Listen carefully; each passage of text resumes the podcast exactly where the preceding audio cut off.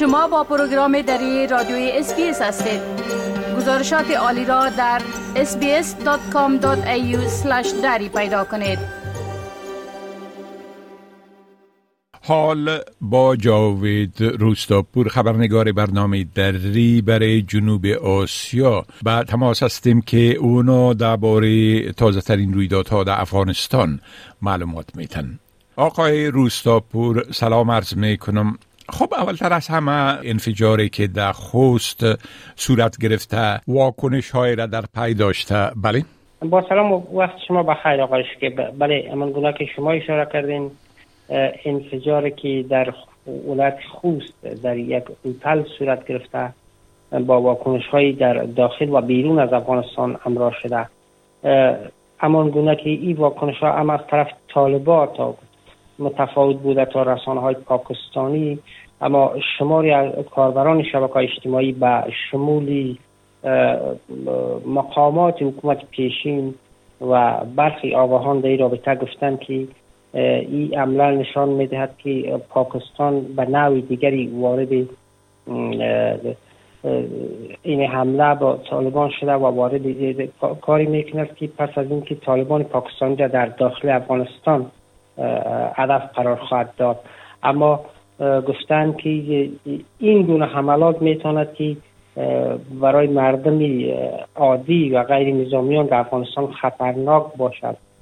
برخی دیگه هم گفتن که احتمالی وجود داره که شماری از مقامات طالبان و گروه های در داخل طالبان آدرس محل اقامت مقامات طالبان پاکستانی را به نیروهای پاکستانی یا اردوی پاکستان داده باشند اما گونه که رهبری القاعده را به آمریکا آدرس دادن تا که هدف قرار گرفت.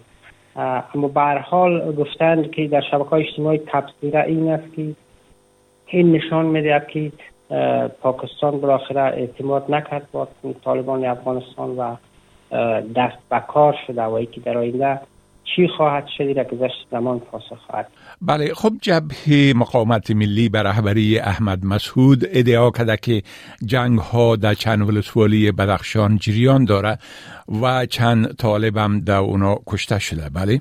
در اعلامیه که جبهه مقاومت روز گذشته نشر کرده گفته که در ولسوالی های جرم شهدا شهری بزرگ ارگو و منطقه از ولسوالی شیوه جنگ جریان دارد تا کنون گفته هفت طالب کشته شده و سیزده نفر از طالبان را اینا اسیر گرفتن.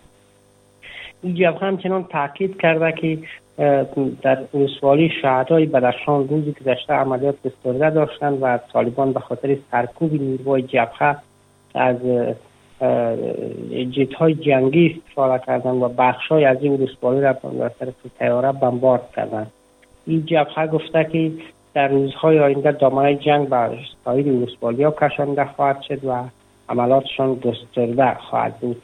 منابع محلی هم در ولسوالی شهدا گفتند که بخشای از این ولسوالی توسط تیاره های طالبا بمبارد شده و هدف از این بمبارد سرکوب نیروهای جبهه مقاومت همچنان این منابع از منطقه شیوه هم گفتن که از دو روز به این طرف در این منطقه جنگ جریان دارد و آنتنای مخابراتی قطع است در حال است که چند روز پیش هم جبهه مقاومت در ولسوالی جرم ادعا کرد که پنج طالب را اسیر گرفتن و سلام مهمات یا گرفتن و دوباره اونا را به درخت ها بسته بودن تا خودشان رفته بودن تا افراد طالب آمدن اسیرای خود آزاد کردن. این را نکشتن. به دلیل از گفتن که طالبای محلی و فریب خورده هستند به نظر می رسد که جنگ کماکان دوباره شروع شده و تفسیرهایی هم در خصوص شده که در تخار هم جنگ ها کم کم آغاز شده و به همین ترتیب در ولایت بلخ هم از دو روز به این طرف درگیری های پراگنده به گفته منابع محلی در برخ ولسوالی های ولایت آغاز شده بله. خب گفتم میشه که سازمان رواداری در گزارش به مناسبت دو سالگی حاکمیت طالبان در افغانستان گزارش نشر کرده و نقض حقوق بشر توسط ای گروه را تقبیح کرده. اگر در این باره لطفا به صورت بسیار مختصر معلومات بتین بله این سازمان گزارشش بسیار مفصل است یعنی بیش از 15 صفحه است و تاکید این گزارش گفته شده که در شش ماه نخست سال جاری میلادی به صورت گسترده و رفمند حقوق بشر توسط طالبا گفته نقص شده. در این گزارش آمده که در این مدت 355 تن در افغانستان توسط طالبان کشته شدن و 161 تن دیگه گفته که زخمی شدن. همچنان کشته شدن شامل 269 مرد 34 کودک 22 زن و 20 تن دیگه با اویت نامعلوم بودند. یافتهای گزارش نشان میده که ده تن در زندانهای طالبان زیر شکنجه جان باختند و 69 تن دیگر دادگاه صحرایی شدند. طالبان تا این گزارش مفصل است و همین ترتیب در بخشی از گزارش از زنانی که توسط طالبان زندانی شدن از نقض بشر شکنجه و حتی تجاوز بالای از یا صحبت شده. طالبان تا کنون در پیوند با این گزارش چیزی نگفتن. خب بسیار تشکر آقای روستاپور از دی معلوماتتان و فعلا شما را به خدا می سپارم و روز خوش برتان آرزو می کنم. روز شما هم خوش خدا حافظ ناصرتان. بپسندید شریک سازید و نظر دهید. اسپیس دری را در فیسبوک تعقیب کنید.